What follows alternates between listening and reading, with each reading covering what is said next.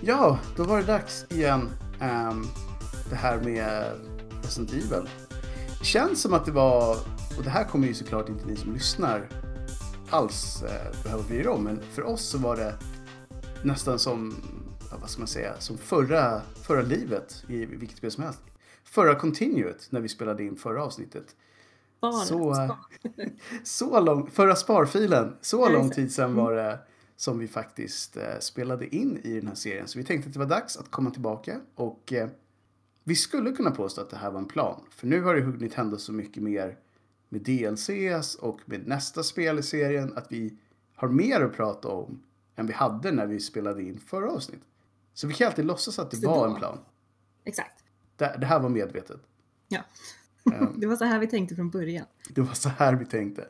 Men vi är i alla fall tillbaka nu och vi kommer prata Resident Evil, ja vad ska man säga, mitt i Resident Evil. Skulle man kunna säga sju. Där Ja. händer. Och vi hade kanske lite av en cliffhanger sen förra gången så att vi kommer försöka fortsätta där vi var. Men innan vi fortsätter där vi var så fortsätter vi där vi alltid är någon gång under varje avsnitt, det vill säga i dryckernas land. Den gamla traditionen. Den, den nobla traditionen från när vi nu började med den. Ja. Många öl sen. Många öl sen, absolut. Och idag har vi då en ny burk tror jag. Ja, en väldigt eh, färgglad burk om en öl som heter How dare you? How dare we? Ja. Finns det något, någon indikation på varför den heter det? Kanske den här designen. Den är lite bold. Ja, Ehm, den är nästan lite jobbig att titta på. nu får man köra lite som, som det här radioprogrammet som fanns eh, där man kunde ringa in och beskriva sin tatuering. Det är lite så vi får göra här också. Att det här får ni tänka er en väldigt färgglad typ etikett. Lite flower power över hela grejen. En, en enhörning sprängs i lite pixlig grafik. Mm, för en ganska bra beskrivning och ganska stor eh, kaxig stil så här med, med runda hörn och grejer. Ja. Så att precis som det radioprogrammet så har vi nu beskrivit den här burken. Så Det är nu ser ni alla den framför er. En fantastisk idé egentligen att ha ett radioprogram där man ringer in och beskriver någonting visuellt. Det är jättekul. Men radio har verkligen alla sorts program. Själv så har jag behållit briskan i och den här gången så har jag provat hallon och vinbär. För att jag tänkte att det är sött, men inte så sött. Men den var helt okej alltså, det var den. Ja. Men utöver det så kanske vi inte ska säga så mycket mer. I, I vissa andra program så pratar vi nyheter, men här tänkte vi gå raka vägen på på båten skulle vi egentligen kunna säga att vi går raka vägen på. In medias res. Ja, precis. Ska vi köra en väldigt, väldigt kort summering av vad vi var förra gången? Eller litar vi på att våra kära lyssnare precis har lyssnat på förra avsnittet? Alltså de har säkert gjort det, men Mm. för vår skull Ja, eh, så kanske vi ska säga att vi var ju på en båt, precis Mm. som du sa. Eh, Det stora skeppet eh, precis. som hela spelet egentligen börjar med. Ja, det skulle man ändå kunna säga. Ja, för det har ju gått på grund. Det är bara att man Jag inte vet det. misstänker då. att det kanske är samma skepp i alla fall. Ja, det måste det ju vara. Det är ett väldigt stort skepp som går på grund i en bio. Ja, när du säger så. Men hade det inte varit storm? Ja, den kanske hade fl- flutit in från havet. Man, man tänker att av någon anledning så drevs den in. Ja, Det kan ju vara den- the evil också. ja, exakt. Den visste vart den skulle. Den Ja. hade ett mål. Precis. Det är Ja. ofta så i, i, eh, i alla fall filmer. Ja. Att ondskan alltid bara så här, det var förutbestämt att den skulle till något ställe. Exakt, de gör inte saker på impuls. Nej. Utan det är så här, det här var vårt mål. Vi hade det här målet redan för 2000 år sedan. När här, Precis. Oftast väldigt, väldigt länge sedan. Ja. Så vi, vi kan ju, jag tror inte någon har sagt någonting om det. Så vi skulle ju kunna säga att det skulle kunna vara så här också. Att det var meningen att Att- det här skeppet skulle gå på grund i en bayou. ja, utanför en stor herrgårds... Det Precis. där är de har farm. Ja, vi sa väl ett plantage kanske. Plantage. Ja, Fast vi vet in. egentligen inte om det är ett plantage. Men det är i sådana trakter där man skulle kunna ha ett plantage. Ja, ja precis. Och Farmstead food. kanske man skulle kunna säga. Ja, Då är det lite så här allmän, allmänt gårdigt. precis. Fast stort. Mm. Vi pratar, ja de hade ju både en old farm och en new farm. Ja, Även fast en new farm var mer som ett hus. ja. eller lite mer som ett hus i riktig Resident Evil-style. Ja, verkligen. Det gillade vi ju. Men i alla fall, vi var på den här båten. Och Ja, det hade ju det hade gått lite utför med, med, med det här skeppet skulle man kunna säga. Det var, ja, det hade hänt hemska saker på det. Mm. Det, det, som alltid, höll jag på att säga. Det, det är inte ofta som eh, fartyg i den här serien klarar sig. Det hade ju varit helt magiskt om det hade varit så. Man hade kommit in där och bara oj, här var det alldeles polerat och fint. Precis, det är inga här, men allt är ju i toppskick. Så jag, Ja. jag tar en hytt här och lever det glada livet resten av livet. Och sen hade man slagit av Resident Evil och varit besviken på det. Det hade man faktiskt varit. Ja. Man får vänta på DLC när det faktiskt händer någonting. Exakt. Man får bara en liten sneak peek av hur det ser ut när allt är bra. Det hade kanske kunnat varit en idé i och för sig. Ja, alltså ibland så lyckas man ju eh, göra spel där man först får se hur allting var dåligt. Sen har de ett DLC om hur allting blev dåligt. Och då får man ofta se en väldigt kort tid när det inte var det. Så Ja. det hade kanske kunnat gå. Jag vet inte. Man gillar ju backstories. Ja, man gillar ju lite backstory. Speciellt i eh, alltså spel som har ganska mycket story i bakgrunden när man måste säga. Där ofta ser en massa frågor som man har som man kanske inte alltid får så mycket svar på. Då kan det vara nice att få lite, lite mer DLC. Verkligen. Och det kommer Men- vi komma in på här också sen. För de har ju hunnit släppa DLC till det här spelet. Men det blir lite senare ner i den här programserien. Ja. Men man har ju spelat som Mia när Mm. man har varit på den här båten. För Ethan har ju, han har ju suttit fast i sånt här ooze, The Ooze. the ooze, mold, eller vad de Ja, det är föredrar att bli kallade. precis. Vad de själva kallar sig själva, det vet vi inte. Nej, det vet vi inte. Men, och han har ju drömt, han drömde ju drömmar om, om Jack, pappan, alltså i, i huset, om hur han var när han var, När han faktiskt Frisk. var en, en schysst person. Han var ju Ja. ändå den som försökte rädda familjen. Liksom. även om man inte kan tro det när man har stött på honom tidigare i Nej. spelet, så var han faktiskt en gång en, en okej människa. Ja, men precis. En, bättre Det- än vad han var som ond. Verkligen. Men, men Ethan blir ju då uppväckt från sin sömn, kanske, Mm. av att Mia skär loss honom från det här och eh, säger i princip du måste se till att döda Evelyn. Här har du tissue sample för att göra det här serumet och eh, jag gör mitt bästa för att liksom, hålla borta alla andra fiender. Precis. Vi har ju varit lite inne på det här just att eh, en del karaktärer har varit på, på ägorna väldigt länge utan att, att göra så mycket innan man Mm. själv dök upp. Precis. Och det, det får man väl egentligen- Men å andra sidan så här, det är kanske inte så logiskt för att man kan tänka sig, ah, varför gjorde inte ni någonting innan, innan Ethan dök upp? Men det var ju å andra sidan bra att de var där för att de kunde rädda honom nu när han hade hamnat i, i trubbel på riktigt. Han har ju hamnat i väldigt mycket trubbel om man tänker så här, spelet så långt man har kommit. Ja, han har ju verkligen fått rädda alla. Jag tror väl att det kanske var lite grann Zoes roll innan. Alltså Mm. dottern i familjen där, att försöka rädda För dem. hon hade ju försökt att göra det. Ja. Och sen så kanske hon inte kunde det själv och så dök Ethan upp och så försökte han också göra det. Ja, exakt. Och det var väl, jag tror att han dök väl upp i precis rätt tid också för att Mm. Zoe var väl lite på gång att också hamna under Evelyns spel. För hon Ja, eh, är, är ju verkligen powerful på det sättet. precis.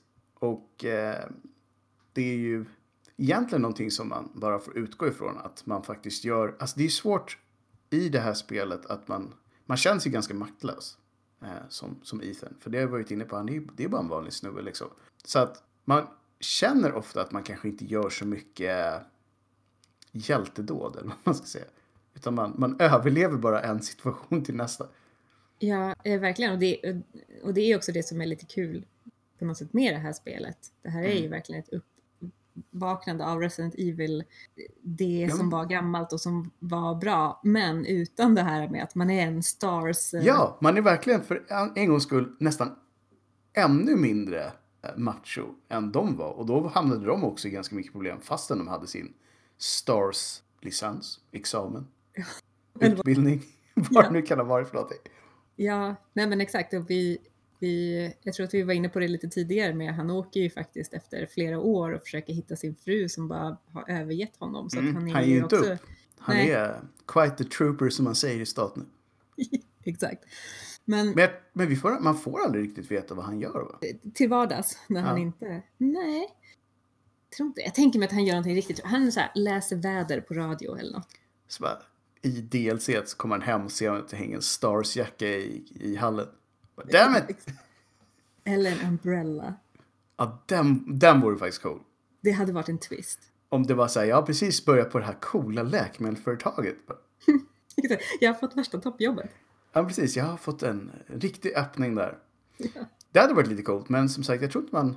Om inte vi har missat det såklart, så tror jag inte man får reda på vad han faktiskt gör i vanliga fall. Vi får väl se Mm, vad som händer. vi får helt enkelt se. Men när han har, eh, eller när Mia har, har eh, fått loss honom från det här moldet så hittar han ju en, en gammal saltgruva typ, tror jag att det är. Mm. Och när han kom in i den så, så råkar han ju också överhöra en grupp militärer som jag inte förstod vart de, vart de kom ifrån. Och de, de är ju där för att ta sig in i huset. De ska förgöra Evelyn. De, ju, de säger ju typ If you see her, you kill her, understood? Japp, Alltså- de menar business. Ja, det är så här. De, de är ju liksom motsatsen till Ethan. De är ju verkligen så här coola, militära, amerikanska. Japp, med, vad ska man säga, gung-ho. Ja, De, de är sugna liksom. Ja. Men som, som du säger, är väldigt oklart var de, var de kommer ifrån. ja, man har ju liksom ingen riktig aning och det är så här, vågar man Lita på de Är här. de snälla? Precis. Och eh, i den här gruvan så har ju också Lucas, eh, han, är ju, han var ju duktig på att lämna fällor och, och sånt efter sig. Ja. Det var ju hans, Det var hans grej. hans specialitet. Liksom. Precis. Så, så han, har ju, eh, han har ju gjort det i den här gruvan så att man måste ju ta sig förbi en massa av Lucas fällor. Samtidigt som man börjar få lite så här eh, förklaring till, till vad som har hänt för han har ju också lämnat efter sig lite meddelanden i, i bästa Resident Evil-anda. Mm, mm. Lappar för en att läsa. Det här är varför det tar så lång tid att spela de här spelen. För det är Ja, ju inte så långt alltid. egentligen. Men man måste Nej, jag tror man verkligen bara körde så skulle det inte vara så långt. Men man vill Ja. ju kolla på de här grejerna. Liksom. Ja, det är ju jätte, jättespännande. Det här hör ju Ja. till. Speciellt när man spelar det första gången. Ja, ja, det visst. När ni spelar det tredje gången, fine. Ja, men, Men, men första gången, då läser vi grejer. Ja.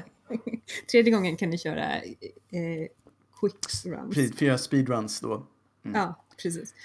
Men på de här meddelandena då så får ju Lukas det låta som att han egentligen är liksom frisk från den här infektionen Mm. som Evelyn har gett alla. Japp. Och att han egentligen jobbar tillsammans med någon annan Mm. för att då förgöra Evelyn eller ta tillbaka det som Evelyn faktiskt är, vilket ju är något form av vapen. liksom.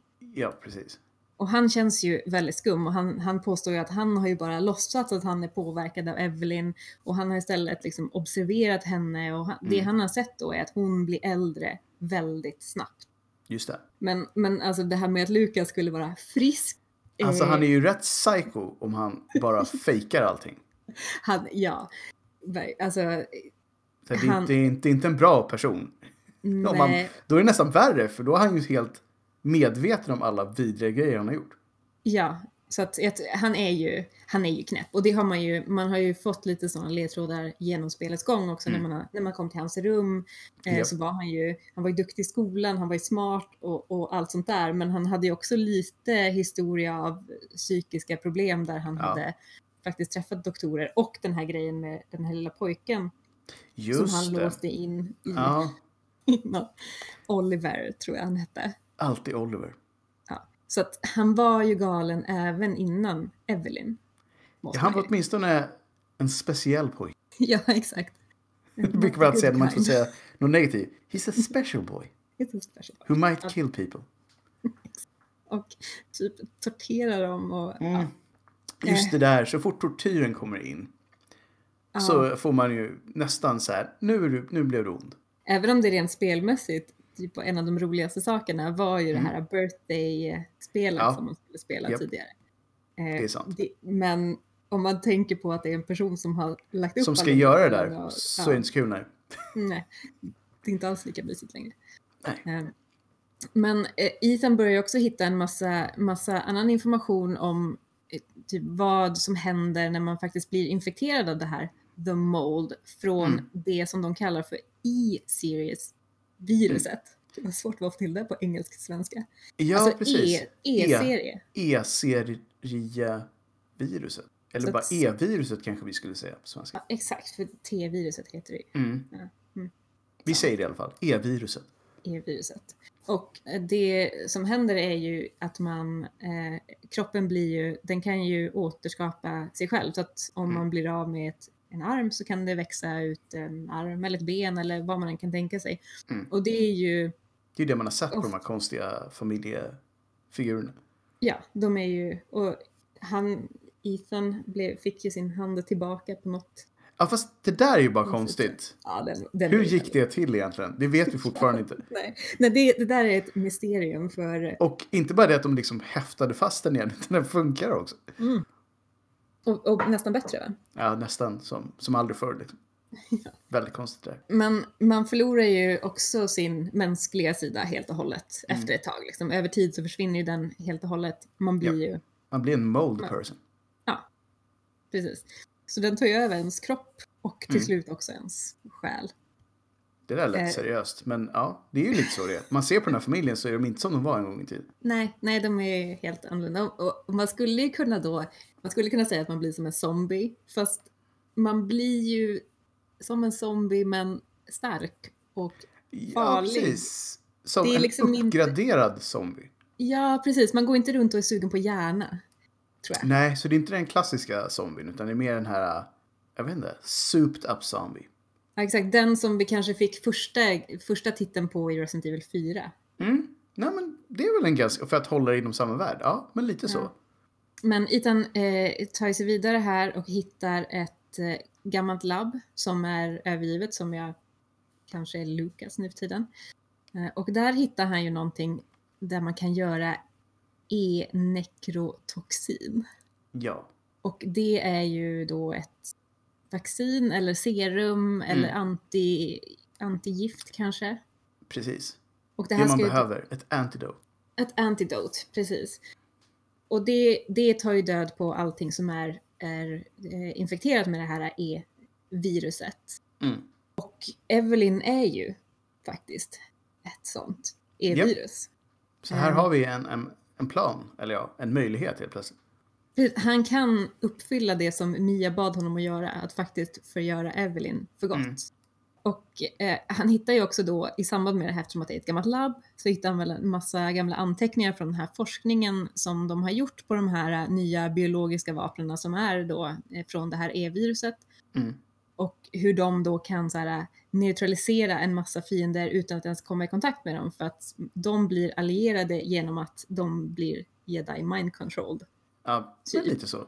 Och det är någon form av svamp då som, som man släpper ut. Mm, man, man kan släppa ut. sporer. Det, det där är så... Jag Mm. gillar inte det där. Nej, det är in, inga mer svampar, tack. Men å andra sidan, det- alla de här virusen i alla de här spelen är oftast ganska obehagliga Ja, det är inte... eh, när det gäller spridningen. ja, ja, verkligen. Det Mm. enda man egentligen saknar är ju eh, lite anteckningar som är kopplade till en viss person. Som, Mm.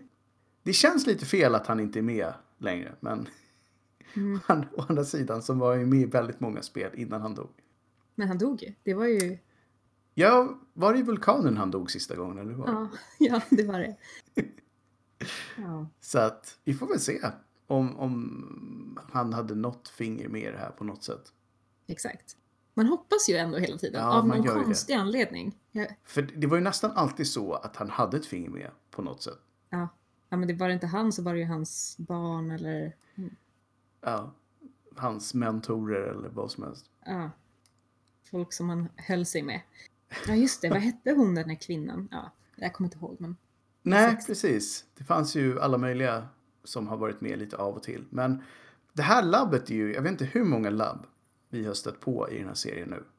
Nej, Som är övergivna och bara finns där. eller hur? Det måste vara så många miljoner dollar det, här kostar. Som bara- bara... Precis. Och jag tänker att så här, man vet ju i den här världen att blir man någon typ av biokemist Ja, så är man ju screwed. ja gud. det här kommer ju aldrig gå bra. Nej. Förr eller senare kommer jag stå där med ett E-virus, ett T-virus eller ett C-virus som sprider sig. Eller så kommer militären och mörda mig för att jag vet för mycket. Ja, det är så här, de börjar ana oråd när det börjar växa ut ett huvud på min axel. Precis, när jag dyker upp till jobbet med tre huvuden och åtta armar så bara nope, No. tyvärr nu, eh, nu är det dags för dig att gå vidare helt enkelt. Om det är nu så att man får bestämma över om man har samma, samma motorik fortfarande. I det här fallet får man ju tyvärr inte det. Nej, Och Så det, det- är de, det är ju inte bra. det är, nej, då har man ju liksom förlorat Hela den hela, bonusen. hela skärmen med det. Eh, men i det här labbet har de då forskat på att injicera det här, den här svampen som de kallar för my- mytamycet. Nej, jag tänker inte, Ja. jag, jag kommer inte ihåg. Googla namnet. hur man uttalar det också. Det är en dålig svamp som man ska hålla sig borta ifrån uppenbarligen. Ja. Men när man då injicerade det här i, i mänskliga embryon så kunde man liksom följa utvecklingen, man kunde se till att, att de blev precis som man ville. Mm. Och det var så man lyckades då skapa det här E-series, eller E-viruset Mm. på riktigt. Mm. Och eh, Evelyn var ju då en av de första som skapades som faktiskt var liksom perfekt, eller men åtminstone inte defekt. Inte, precis, in, åtminstone inte defekt.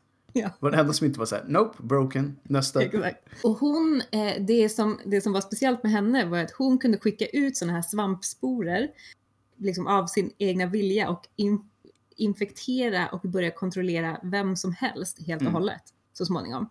Men forskarna verkade ju väldigt här, osäkra på hur, hur går det här till? Hur kan hon vara så mäktig? Mm. För hennes, hennes offer då började, det började med att de fick hallucinationer men, men liksom, ju, ju längre tid det tog, eller ju längre tid det gick så, så började de ju skada sig själva och skada andra. Det var, då kunde hon ju verkligen kontrollera dem helt och hållet.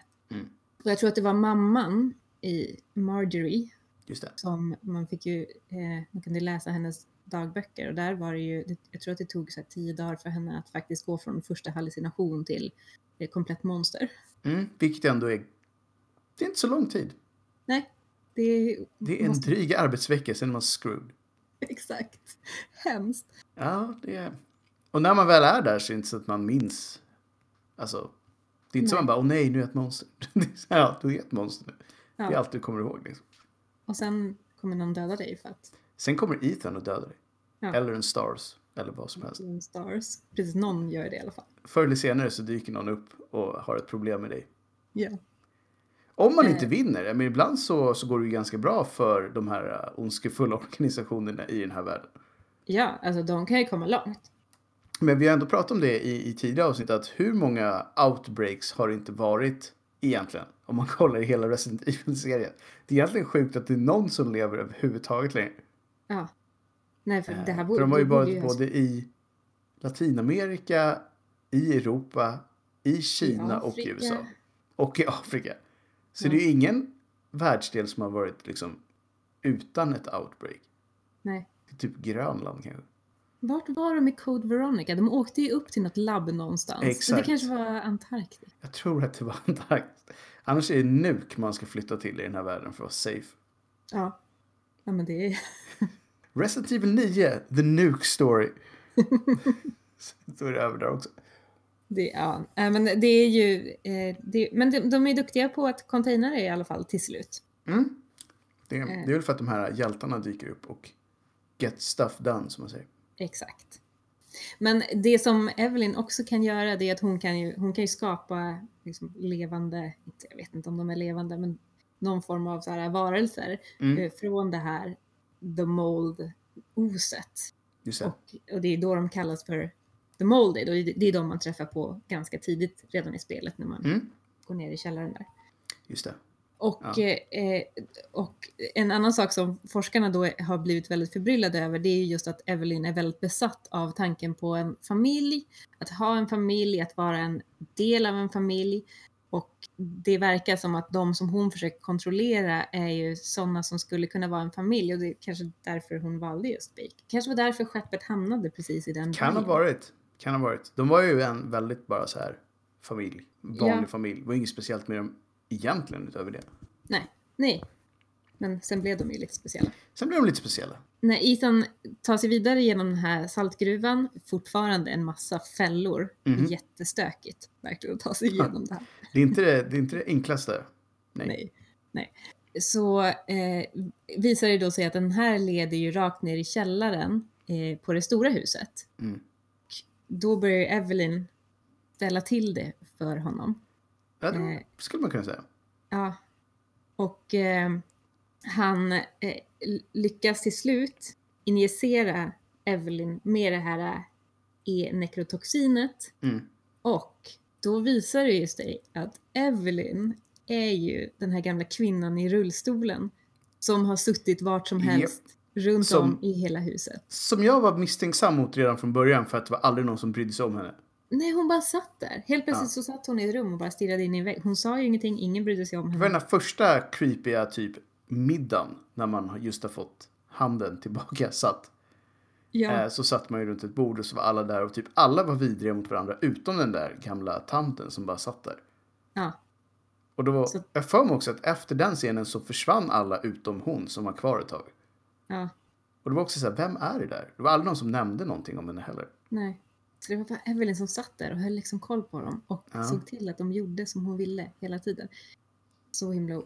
Ja, det är lite creepy sådär. Och där hade ju Lukas faktiskt rätt i att han hade ju observerat att hon åldrades ju väldigt snabbt. För den här kvinnan Mm. var ju, Ja, när jag träffade på henne så var hon ju en liten tjej. Liksom. ja, pytteliten. Inte så mycket så längre. Men i alla fall, nu får man ju veta, det här är ändå en ganska stor grej Ja, det är i ingen spelet. För man har ju kommit ganska långt här.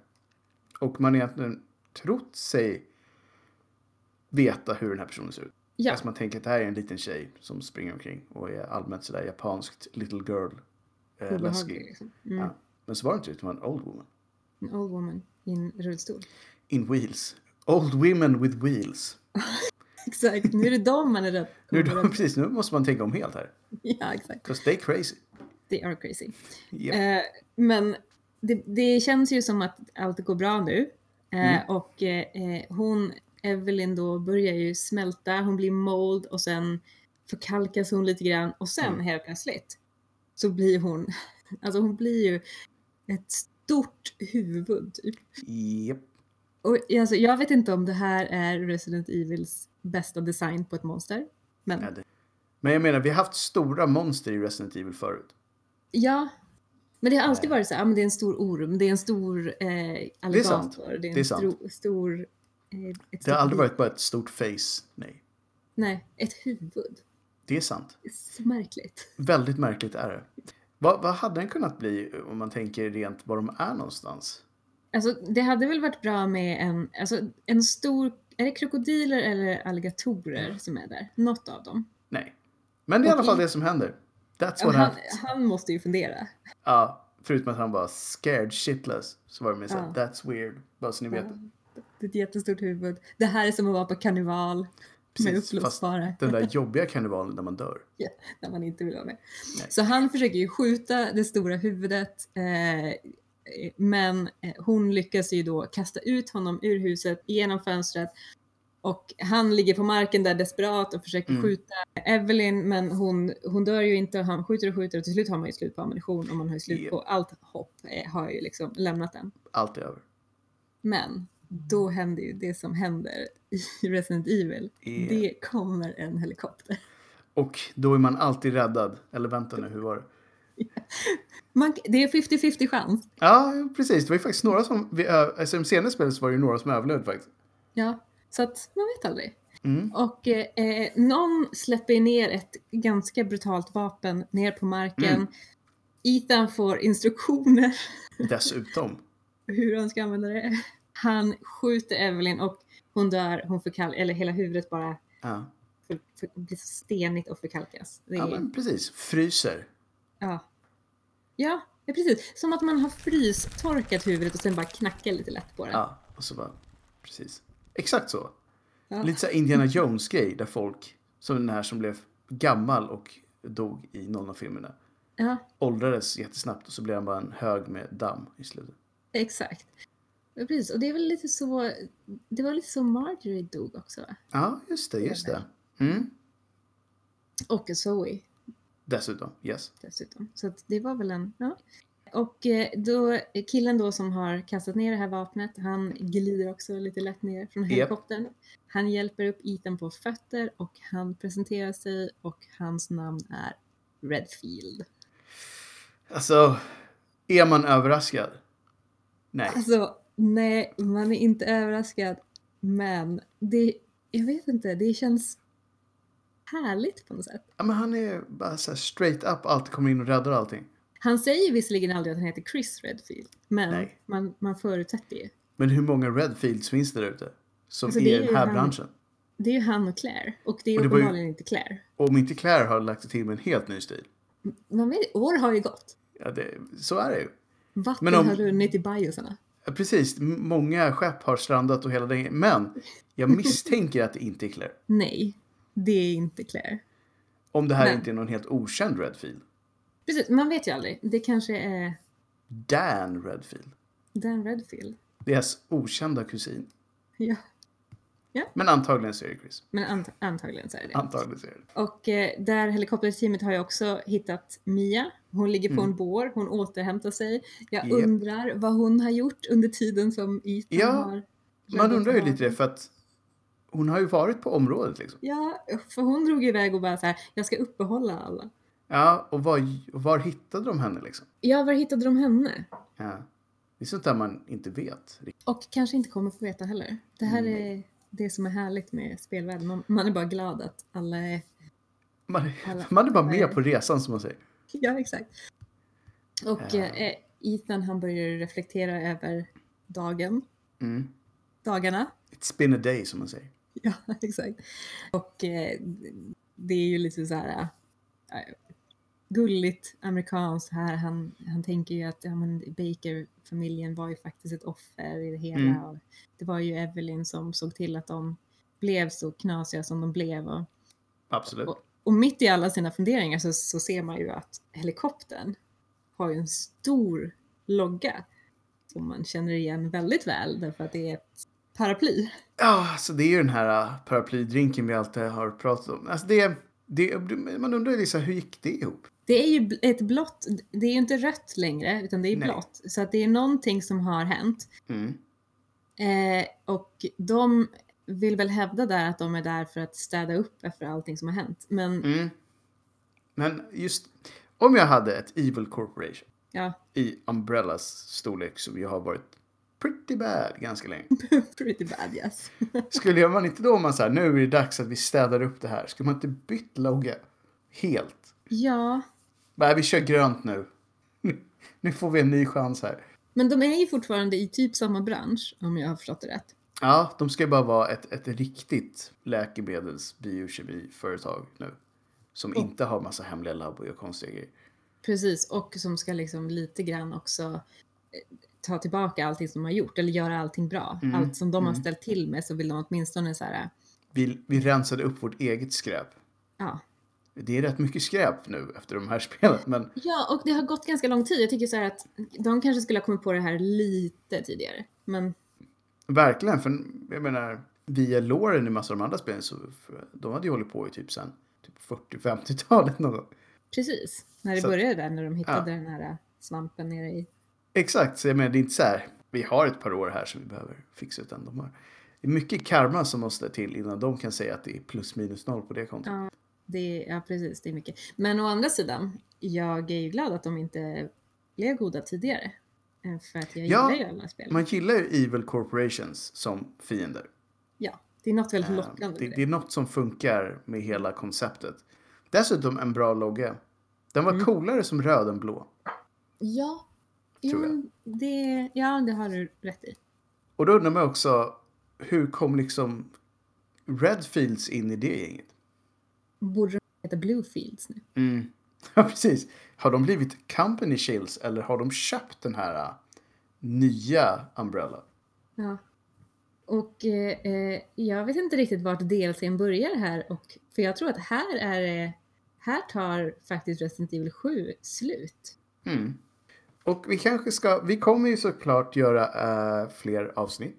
För vi kommer både avsluta sjuan Mm.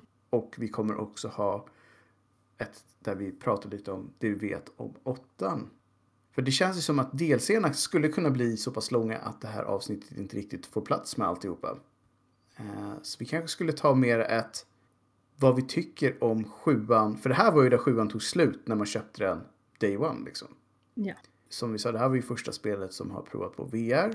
Eh, Första spelet som har försökt att ha lite annan sorts hjälte och man visste först inte om de hade så mycket med de andra att göra. Så att jag för mig att vi sa någonstans där i början att vi skulle prata lite om vad vi tyckte och tänkte om själva spelet. Mm. Och det är kanske här vi ska göra då innan vi hoppar in i DLC-materialet. Ja. Går ner oss i lår igen. Både du och jag körde det här i VR. I alla fall försökte vi köra det här i VR.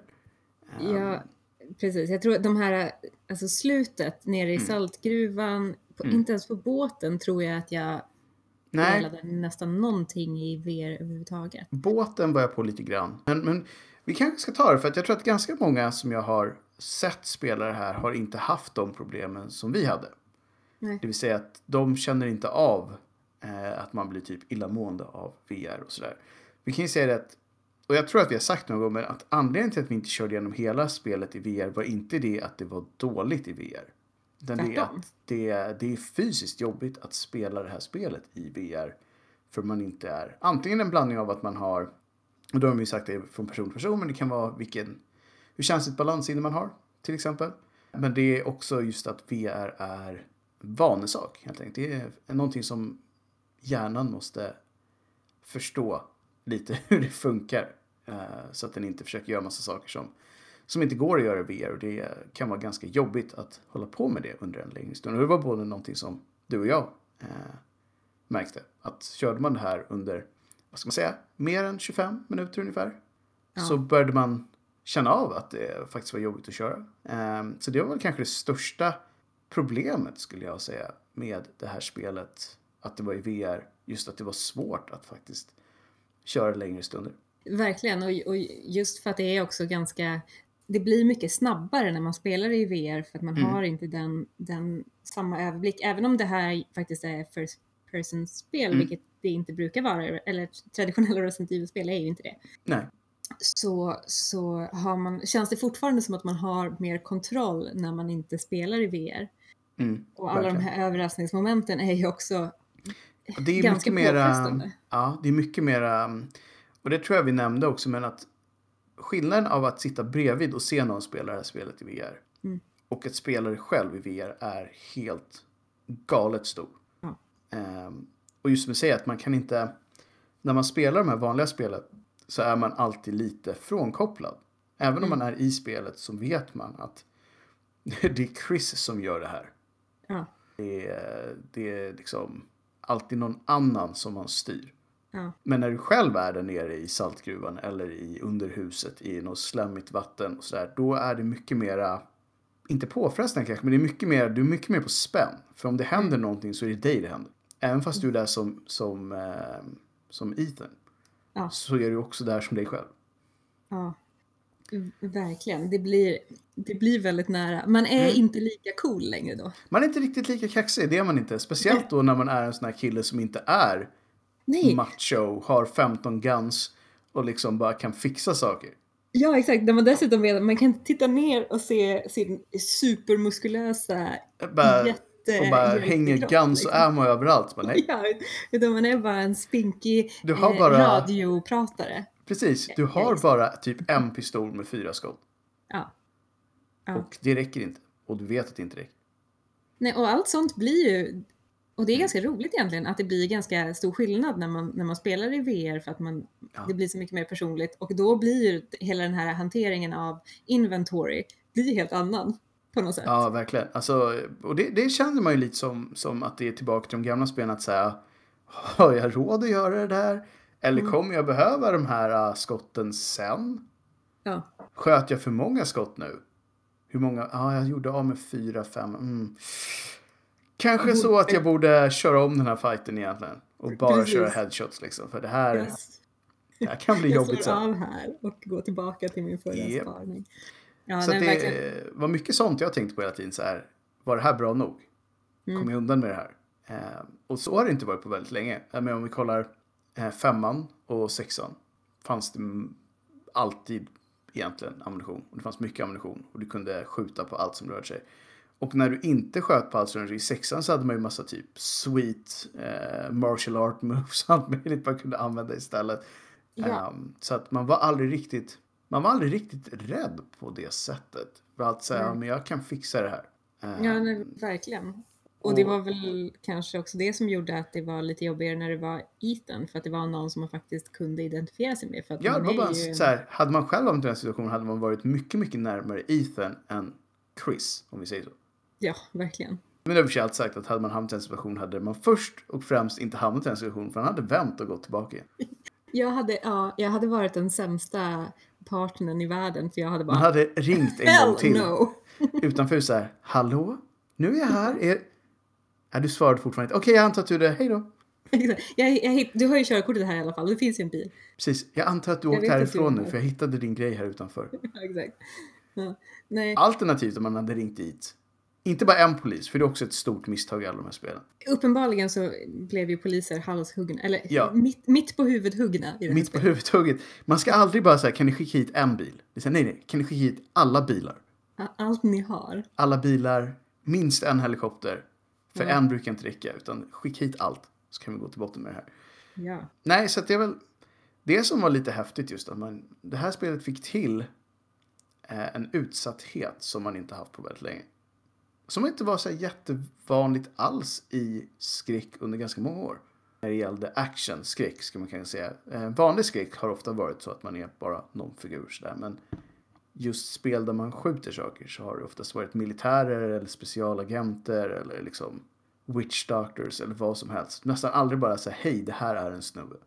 Nej. Men man har alltid haft någon liten grej som gör att det finns en anledning till att man har hamnat där. Jag tror att det, precis som du säger, hade känts konstigt också om jag hade kommit till det här huset och haft 15 vapen till exempel. Det hade inte varit så himla läskigt att någon galning kommer med en yxa då helt plötsligt.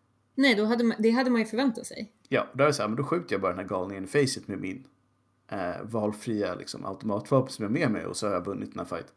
Ja, jo men jag, jag, precis, jag tror att man, hade, man behövde återuppväcka det på det sättet för man får ju ändå lite grann så här man påminner sig lite grann om du var i Resident Evil 1 när man blev nedsläppt från helikoptern, skulle ta Mm. sig in i den här herrgården och ingen tänkte ju sig att det skulle vara liksom zombies som åt upp en Nej, eh, nej. där inne. Utan man var ju så här, vi splittar upp och ser vad som händer. Mm. Som vi Förutom möjligen. Wesker då. Han, För ja, Wesker är alltid så här. Han visste Ja. vad han gjorde. Han, han, han visste vad han gjorde tills han hamnade i den där vulkanen då, som sagt. Mm. Men Men han tog det för långt. mm, han blev greedy. Ja. Han var i och för sig, en, som man säger, en bad dude. Yes. Han hade i och för sig coola glasögon så att då är man ju en bad dude. Skurkarna har alltid shades liksom. Mm. Jag ska säga att, eh, jag bara försöker komma ihåg här. Det var ganska långt mellan första DLC och det här spelet kom ut, har jag för mig. Det blev ju eh, försenat Mm. ganska mycket tror jag. Så vet vi, för jag tänkte, jag tänkte inte på det, men hur mycket tid har liksom gått mellan de här två? Nej men de följer samma. Det är fortsättning rakt av bara. Mm. Så att det här är väl ganska liksom, det är bara fler, fler kapitel eller vad man ska säga. Ja, lite extra content. Och jag tror att det var nog, jag vet inte hur, hur planerat det var liksom när de gjorde, när de släppte spelet att de skulle släppa DLCs. Men om man nu som sagt inte läser allting, Mm. All, allt man hittar och, och sätter sig in i storyn så, när man Mm. spelar Resident Evil 7 så tror jag att det, det är ett ganska kort spel. Ja, det tror jag nog det. Alltså det är väl lite också samma sak om man ska gå tillbaka till de tidigare spelen. De var inte heller jättelånga egentligen. Om man Egentligen- visste vad man gjorde. Ja, nej, verkligen, jag, jag kollade på den här eh, Awesome Games Mm. Done Quick när de spelade Resident Evil 1. Mm. Och jag var ju mind blown. Ja, alltså de är ju för all del superoptimerade. Ja, jo. Men även liksom om man bara är okej Mm. och vet vad man gör. Det är inte långa spel. Alltså mycket av de spelen var ju att du inte visste hur man löste pusslet till exempel. Ja, verkligen. Och kan man det så försvinner ju en, ett bra antal timmar på en gång. Ja, och det var ju till och med i det här spelet som ändå, det hade ju ganska mycket pussel, Mm. inte överdrivet mycket pussel och egentligen inte överdrivet svåra, men Mm. jag tyckte ju att det var ganska klurigt emellanåt. Ja, verkligen. Det var ju någon, någon grej där alldeles i början med någon fusebox jag för mig som man fick fundera på. Alltid fusebox. Det är alltid fuseboxes i de här spelen. Kan de bara bygga ett hus med bra el någon gång? Nej, Eller hur, kan man inte bara logga in med en app när man kommer ut? precis.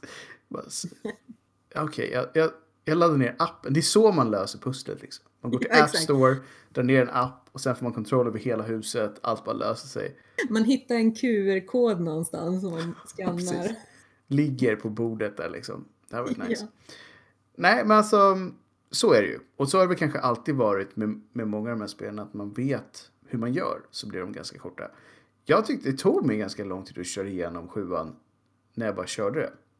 Och det hade inte bara att göra med att VR var jobbigt men just att man fick fundera på saker. Eh, och också kanske i mitt fall då köra om saker för man tänkte att det här gick inte så bra som det borde gjort. Men jag tror att om jag körde om spelet då tror jag inte det skulle ta så lång tid alls. För att man vet också nu var någonstans det faktiskt händer saker och var någonstans de bara hade en känsla av att det skulle hända saker. Ja. Som alltid i skräckspel för all del. Att säga, oh, det här rummet, här kommer det hända grejer. Så bara, nej, det hände faktiskt aldrig någonting här. Nej. Du, Nej, men du, det kan, är ju... du kan bara gå igenom liksom. Det är ju som vi har sagt så många gånger tidigare genom Resident Evil-serien. Att Mm. de rummen, när man kommer in när det är så här härlig musik, Ja. allting, det är så här Mm. lugn stämning. Det är då man är som mest on edge. Och det är då man bara, det här är bra. Men man Ja. mår så dåligt. Fast på ett Ja. bra sätt. Ja, verkligen. Men till och med är i början i sparrummen var jag ju livrädd. Alltså, det är i, I början av min Resident Evil-karriär, Ja. när jag inte hade lärt mig ännu att alla sparrum i Resident Evil 1 och 2 tror jag också, Ja. var det, där var man liksom trygg. Ja. Men det Sen började de det- ju eh, mess with the, with the recipe som man säger. Att man inte var det. Nej, och, och till exempel som i Resident Evil 7 där, där det inte ens pausades i bakgrunden när man går in i, i- menyn Nej, det, det var elakt. Ja. Och Det har vi ju alltid vant oss vid. Att man kan fuska och ge sig själv tid. Ja. Bara, Men- "Ah!" och så bara Jag in i så ska bara- kunna andas lite. Men det var så här, ja, han dödade mig i alla fall. Damn it! Ja. Och det är Så. ju, gör ju det också extra realistiskt när man spelar i VR. Ja, det kändes så här, okej, varför skulle jag kunna pausa här? Det är ungefär som Ja. att säga, mitt i fight bara, äh, Nu pausar jag. När Mia kommer springandes mot en med Precis. motorsågen. om jag bara får en sekund här så, Ska jag bara... så ska, jag bara, ska jag bara tänka ut hur jag gör här. Så att det är mer logiskt på alla, på alla sätt. Det är det. Men, Men- men samtidigt så bryter de kontraktet som vi har haft hela tiden. Det är en stress. Ja, ja men verkligen. Men, men, eh, men också, det är ju egentligen väldigt bra. Det är ju kul. Man ska Ja. ju känna sig, ska, pulsen ska ju gå upp när man spelar Oh ja, sådana här oh ja. spel. Vi har inte jättemycket tid kvar i det här avsnittet, men vi kanske skulle säga nu när vi har tagit oss igenom det första liksom, kampanjen, huvuddelen. Men nu när vi har kört igenom, var någonstans skulle du säga att det här är i förhållande till de andra när det gäller liksom, betyget? Så här, hur bra är det här i serien? Liksom? Är nog, eftersom att man precis innan hade liksom fått gå igenom femman och sexan Mm. så tror jag att... Men så tror jag, det här spelet var, det var väldigt, väldigt bra Ja. på det sättet. Jag hade ju också extremt höga förväntningar på det här spelet, speciellt efter man såg den här trailern eh, Mm. som de släppte i början där, eller innan spelet kom ut. Eh, de var ja, där med det här ja, typ spökgänget. ja, exakt, och telefonen ringde. Ja. Det var ju liksom så härligt att se, för man kunde ju ändå, även om det här inte alls egentligen hängde ihop med Resident Evil 1 Nej. på något sätt, så var det ändå så här, man fick tillbaka den här känslan som man kände. Så Mm. av nostalgiska skäl så får det här spelet jättehögt betyg. Ja. Och dessutom, jag hade så höga förväntningar så jag trodde att jag skulle bli så besviken, men Mm. jag blev inte det. Så jag skulle nog säga att det här är, för mig var det som att uppleva Resident Evil 1 på nytt. Mm. Men Mm. det är ju inte Resident Evil 1. Nej, det är det inte. Och jag tror att för oss som har spelat Resident Evil 1 och 2 kanske också i någon utsträckning när det begav sig, eller vad man säger, åtminstone i trakterna av när det begav sig, så Mm. går det kanske aldrig att ersätta dem. För det var våran, det var när vi såg serien första gången. Men jag skulle nog säga i min bok så är det nog Resident Evil 1 och 2. Och sen kommer 4 och 7 på delad plats efter det. Skulle jag säga. Mm. Ja, men jag tror att precis, för det, det var nog, de, de förväntningar man hade inför fyran var nog motsvarande. Ja, för då var det också så här, nu ska det bli något annat. Mm. Och något häftigt. Och Sen något tyckte nytt. jag visserligen att Code Veronica var ganska bra. Ja, men det, är- det är ett bra spel. Jag, jag, jag håller med dig. Eh, det, är, det är ett väldigt bra spel. Men någon måste komma liksom efter. Och man kan inte ha hur många som helst på plats nummer tre. Men, men visst, Code Veronica är ett bra spel. Så att om man skulle fortsätta den listan kanske det är 1, 2, 4, 7, Code Veronica. Sen då kanske även de här lite mera mm, nyare spelen som har försökt gå tillbaka till skräckrötterna. De hade ändå bra, alltså Revelations-spelen, de hade bra intentioner. Ja. Eh, och sen kom femman och sexan och var bara allmänt action rakt av. Och som vi sa, det är inte det att det är dåliga spel, men de är inte, de är inte det som vi tänker på när man tänker på Resident Evil. De, nej, de blev inte riktigt som värld.